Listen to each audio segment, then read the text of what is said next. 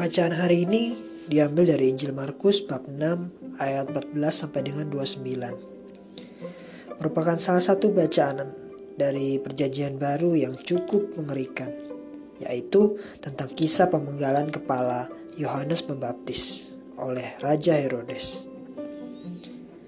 Hal ini mengingatkan saya akan kejadian di salah satu film fantasi populer Game of Thrones di season 1 film tersebut, salah satu tokoh sentral bernama Ned Stark secara tidak diduga-duga harus tewas dipenggal kepalanya oleh penguasa saat itu, House of Lannister.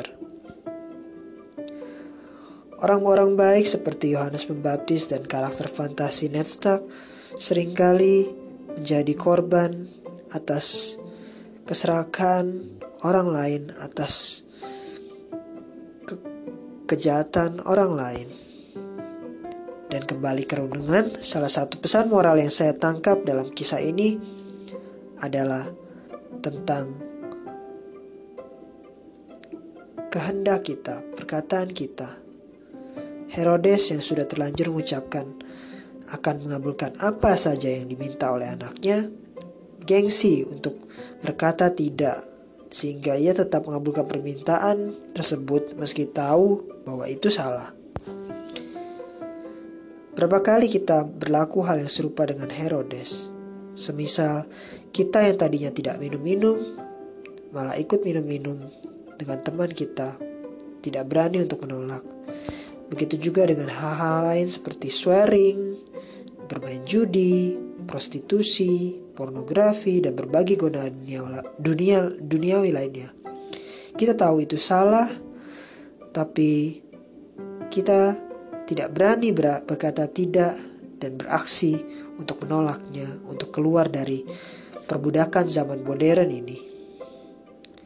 Nah, beranikah kita untuk berkata tidak untuk semua godaan itu, semua perbudakan itu, dan hanya berkata iya untuk segala perintah Tuhan. Marilah berdoa. Tuhan Yesus, terima kasih atas sabdamu hari ini.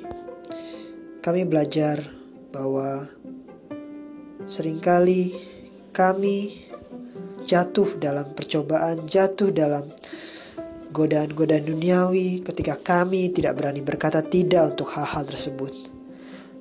Curahkanlah roh kebijaksanaanmu dalam diri kami sehingga kami mampu berkata tidak untuk setiap hal-hal yang salah di matamu. Untuk, untuk setiap hal-hal yang kau larang. Izinkan kami untuk belajar, terus belajar, sehingga iman kami bisa lebih dewasa dan kami bisa lebih mengenal Engkau dalam kehidupan kami sehari-hari ini.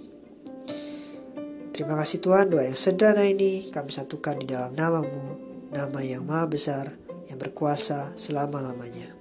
Amin. Dalam nama Bapa dan Putra dan Roh Kudus. Amin.